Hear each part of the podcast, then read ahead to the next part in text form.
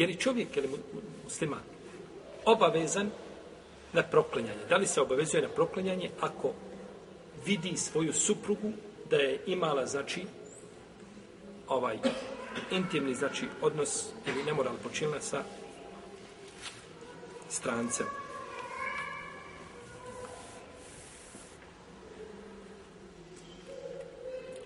Ako se to desi obaveza je čovjeku da traži ovo proklinjanje, jer prvo što ne treba musliman da ostane s takvom ženom u braku. Jer imate ljudi koji se zalijepi za ženu, kao da ni, nigdje na dunjalu ko nema žene nego ta. Ha. Fatima je sama žena na dunjalu, ko nema drugih žena nigdje. Šta god da radila, njoj se progleda kroz prste. Pa je obaveza čovjeku da traži to proklinjanje da bi, da bi time negirao potomstvo koje dolazi jer ne smije pripisati dijete šta? Ne smije pripisati dijete sebe. A ako to ne traži, ne bude ga proklinjanjem znači, zatjevao, onda to ostaje, znači, dijete da je pripisao njemu što je zabranjeno. A zna da nije njegovo, da nije imao nikako, znači, intimni odnos sa ženom, ili da bude rođeno sa manje od šest mjeseci kako je sa njom. O tako. Ženio se čovjek i rođeno, znači dijete, prije šest mjeseci, prije, kažu neki učenje da je šest mjeseci najmanji taj rok kada dijete može biti rođeno. Ja ne znam kako je medicinski, što medicina kaže. Uglavnom, ovaj, da bi dijete živjelo, da bi opstalo, da bi se formiralo, znači dijete, gdje bi moglo živjeti, treba da bude najmanje, znači, staro šest mjeseci.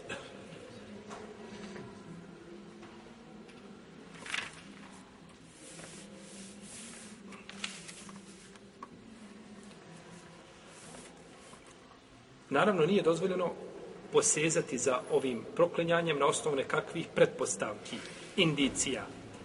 A, nešto se desilo. Ovaj, postoji mogućnost da se toga nekakav zaključak izvede. To je zabranjeno. Znači, moraju biti jasni argumenti i mora biti da je čovjek, znači, vidio, ne mora. U protivnom, znači, samo ovaj, pretpostavke, na osnovu toga nije dozvoljeno, jer je optuživanje za nemoral veliki grijeh a osnova je kod muslimanke da je ona čedna i da je poštena. Osim ako se potvrdi jasnim argumentom, pa se ta osnova šta? Negira ili pobija. U protivnom, nije dozvoljeno, znači, na osnovu nekakve pretpostavki ili priča ili glasina i slično tome, ovaj, je tako, optuživati. Žena došla, ne znam, radni kolega je dovukao pred, pred zgradu i ona izišla iz auta. To je dokaz da je šta? Nemoralno, tako? Jel dokaz? A nije dokaz. Žena radi otkrivena, negdje na pultu radi, ne znam, na recepciji, razgolićena sva, više je otkrila nego što je pokrila tijelo. Znači, možemo i kazati da je nemoralna zbog toga. Kojim pravom? Kojim pravom da kažemo da je nemoralna? Ona je razgolićena i ništa više od toga. A za nemoral treba potvrda posebna. A to što je razgolićena ničim ne ukazuje da je žena isto vrijeme šta? Jer imate žena koji su razgolićene, hoda svakakva i tako dalje, i na jeziku je ovaj jako neprijatno za slušati, ali je žena što se tiče časti čedna. Ne dozvoljava znači nikome da joj priđe u tom jel, smislu. Da, da bi počinila sa nekim nemoralnim sličom tome. Pa ne smije se znači optuživati osoba na osnovu ovaj nekakvih ovaj je li pretpostavki ili stvari koje ne mogu biti znači argument u tom pogledu. Pa kada bi se, ne daj Bože, čovjek nešto desilo, treba znači da smirano da stvari provjeri i da vidi, a nikako znači da žuri sa optužbama, jer ovaj, ponekad može biti ovaj određena stvar, može biti dozvoljena za, za ženu za, da ne zna i slično tome, da, da je rod po mlijeku, slično tome, može se dešavati, pa ne treba znači žuriti sa osudama. Došao si, ne znam,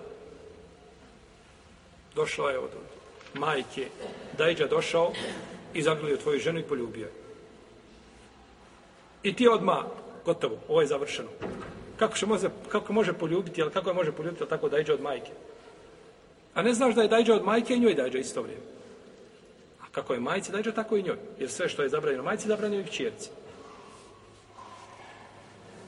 Pa treba poznati, znači, propis ili treba se uvjeriti u propis prije nego što se pristupi osudi ili čemu? ili poduzimanju nekakvih konkretnih koraka u smislu rastave ili ovaj i slično tome.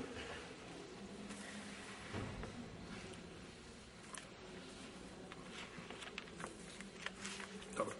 Ako nije dozvoljeno odreći se svoga djeteta na osnovu sumnji, čovjek sumnja, ne znam, bio u kući kod žene, imao sa njom intimni kontakt, ona rodila nakon, ne znam, 8-9 mjeseci, on otišao putovao, kaže, dok sam ja bio na putu, ne znam ja šta je žena nakon mene, li, i na osnovu toga se odrekne čega svoga djeteta.